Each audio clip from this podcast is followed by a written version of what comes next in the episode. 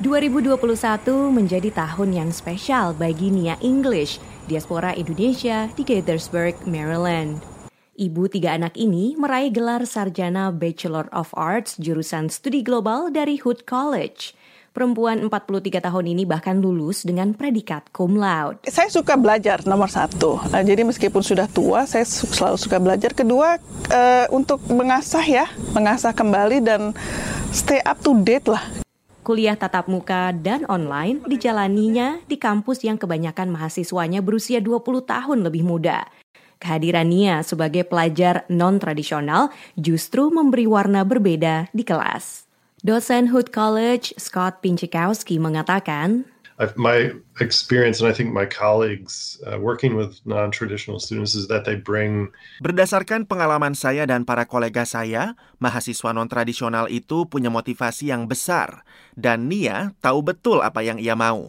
Prestasinya yang cemerlang tak lepas dari dukungan keluarga, terutama ketiga anaknya yang sudah mandiri sejak kecil, sehingga Nia bisa fokus belajar. Jadi sebenarnya yang paling penting adalah uh, strong will dan time management dan tentunya mendelegasikan tugas-tugas ke anak-anak. Jadi kita juga sekalian mengajarkan ke anak-anak uh, pulang sekolah harus ini, harus ini, harus ini.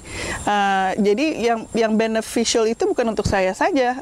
Dukungan keluarga juga menjadi faktor penting dalam perjalanan akademis Dia Halma, diaspora Indonesia di Bethesda, Maryland. Ibu satu anak ini sedang menjalani program Master of Business Administration di American University. Jadi ya untuk saat ini memang selama kuliah itu bagi-bagi tugasnya hampir semua equal. Pokoknya bersih-bersih Danny, aku yang ngurusin Juna, mau soko gitu kan. Bedtime apa segala macam. Ia mengatakan putranya yang masih balita adalah pendorong semangatnya untuk belajar. Uh, kalau saya kan motivasi terbesarnya pengen jadi role model ke anak-anak gitu kan ke anak saya gitu pengen apa menunjukkan kalau nih mama bisa seperti ini dan I wanna be independent woman gitu. Kedua perempuan ini membuktikan bahwa menjadi ibu tidak menjadi penghalang untuk terus meningkatkan potensi diri.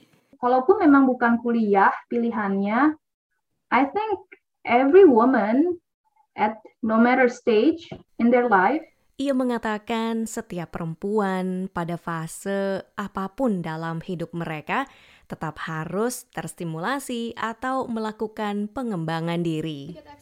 Setelah lulus September tahun depan, dia mengatakan berencana kembali ke dunia kerja. Sementara Nia mengatakan akan meneruskan ke jenjang S2 program MBA. Dari Maryland, Vina Muptadi, VOA.